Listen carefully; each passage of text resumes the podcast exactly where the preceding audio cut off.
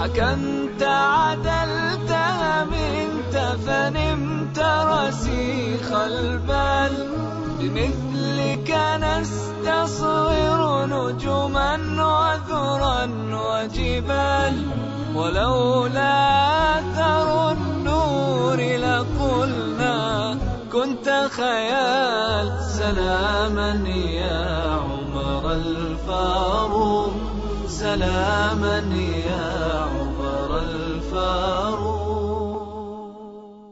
بسم الله الرحمن الرحيم أيها الإخوة والأخوات السلام عليكم ورحمة الله وبركاته. أهلا وسهلا بكم من جديد في حلقة من برنامجكم قصة الفاروق. من أين تتكلم أو تتحدث عن هذه القصة؟ إن تكلمت عن عبادته ففيها العجب العجاب عن علمه فالأمر يطنب فيه من يطنب. إن تحدثت عن فراسته فهو عمر. إن تكلمت عن أخذه بالحق وصدعه به فهو الفاروق. إن تكلمت عن جهاده فهو البطل. شهد المشاهد كلها مع رسول الله صلى الله عليه وسلم. بل سيره النبي في بعض السرايا قائدا عليها. عمر قوي قبل الإسلام وبعد الإسلام. شهد أول معركة كانت معركة بدر الكبرى. وواجه من؟ بني عمومته. كما واجه الصحابة أبناء عمهم. أول معركة بينهم وبين بنو العم فواجه عمر خالا له وقتله فهو مشرك يقاتل عن دينه. قاتله عمر وقتله لم يصده أنه خاله. قريبه بينه وبينه رحم ما صده ذلك على أن يقف أمامه ويواجهه وفيهم أنزل الله عز وجل لا تجد قوما يؤمنون بالله واليوم الآخر يوادون من حاد الله ورسوله ولو كانوا آباءهم. إلى آخر الآية. هكذا كان عمر وقافا في دين الله جل وعلا صادعا بالحق قائما به من المؤمنين رجال صدقوا ما عاهدوا الله عليه. فمنهم من قضى نحبه ومنهم من ينتظر وما بدلوا تبديلا. سلاما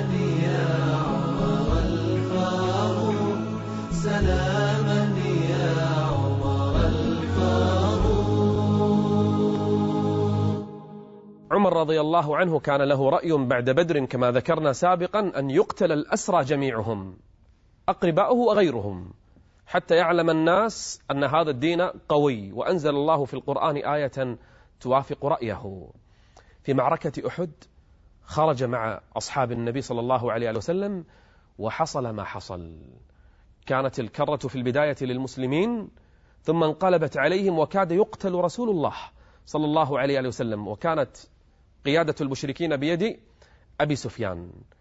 الآن ما يعرفون الإشاعة أن محمدا قتل والصحابة الآن في جانب والمشركون في جانب آخر وقتل من الصحابة من قتل وجرح من جرح.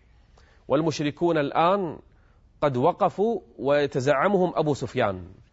فنادى في أهل الإيمان وفيهم رسول وبعض الصحابة جرحى وأبو بكر وعمر وبعض أصحاب النبي جلوس. فقال أبو سفيان أفيكم محمد؟ فقال رسول الله لا تجيبوه. فقال أبو سفيان قبل إسلامه أفيكم أبو بكر؟ قال النبي لا تجيبوه. فتجاوز إلى الثالث قال أفيكم عمر بن الخطاب؟ سكت النبي عليه الصلاة والسلام. ثم قال أبو سفيان بما أن هؤلاء قد قتلوا خلاص يعني. نحن انتصرنا بما أن محمد وابن أبي قحافة وعمر قد قتلوا. قال لو كانوا أحياء لأجابوا. فرد عمر بكل قوة. طبعا أبو سفيان ما سأل عن الثلاثة إلا إنه يعرف قدرهم في الإسلام.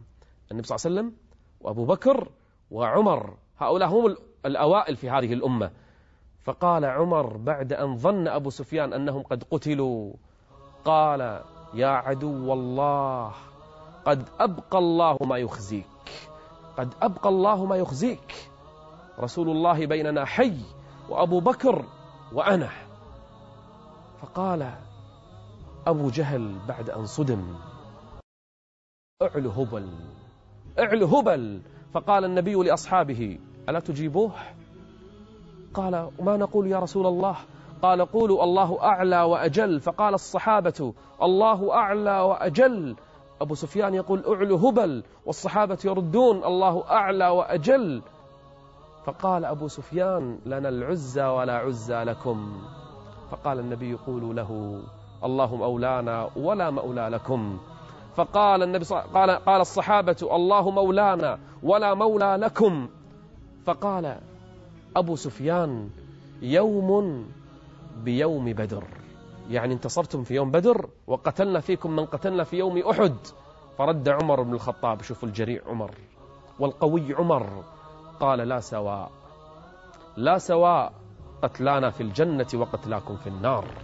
قتلانا الذين قتلوا اليوم في جنة عرضها السماوات والأرض أما قتلاكم ففي النار. هكذا كان عمر. صوت الإسلام, الإسلام الذي يدوي.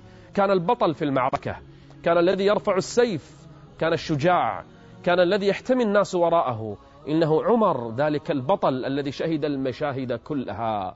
من المؤمنين رجال صدقوا ما عاهدوا الله عليه.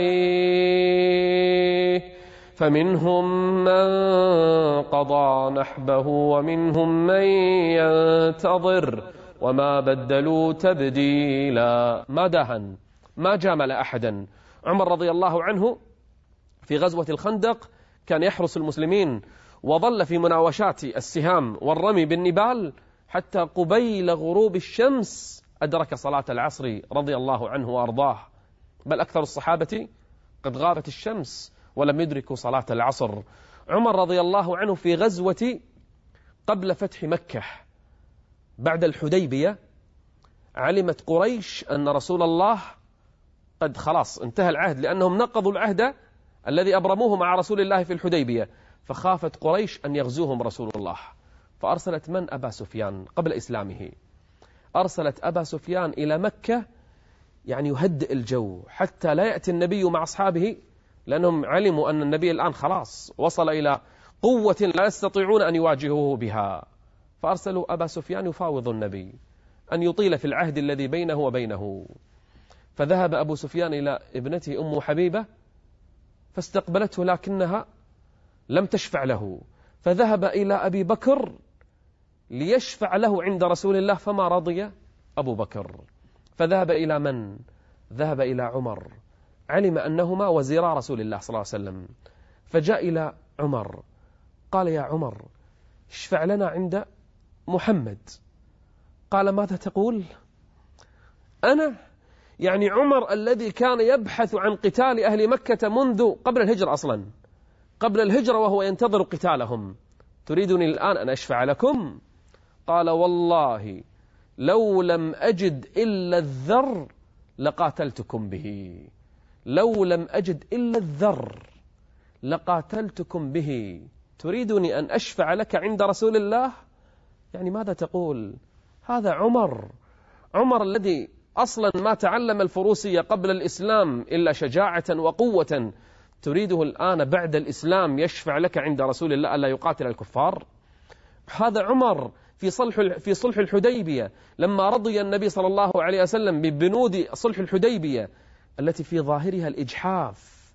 لكن ما علم الصحابة أن مآلها نصر وعزة للإسلام؟ عمر جاء لرسول الله قال يا رسول الله ألست رسول الله حقا؟ قال نعم. قال ألسنا بالمسلمين؟ قال نعم. قال أليسوا بالمشركين؟ قال نعم. قال إذا لم نرضى بالدنية من ديننا؟ إحنا شلون نقبل بأقل من حقنا؟ نحن مسلمون أعزنا الله بالإسلام. تربى على هذا الأمر عمر طوال حياته. ألا يداهن في الدين رسول الله ما داهن.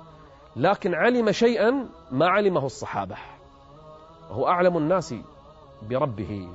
وأنزل الله له وحيا يمشي على الوحي الرسول الله صلى الله عليه وسلم. لكن خفي الأمر على عمر فظن أن في الأمر دنية وهوان على المسلمين فما رضي. قال كيف نرضى بالدنية من ديننا؟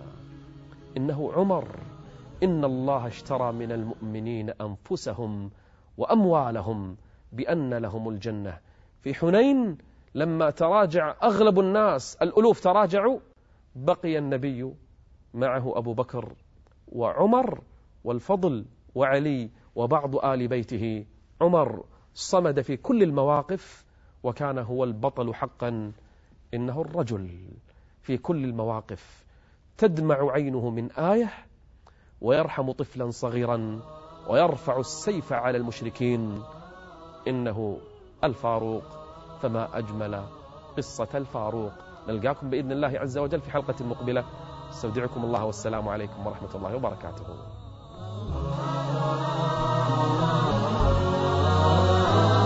ملأت الأرض بعدلك وفتحت الأمصار. وقلت بحق الناس لقد ولدوا أحرار.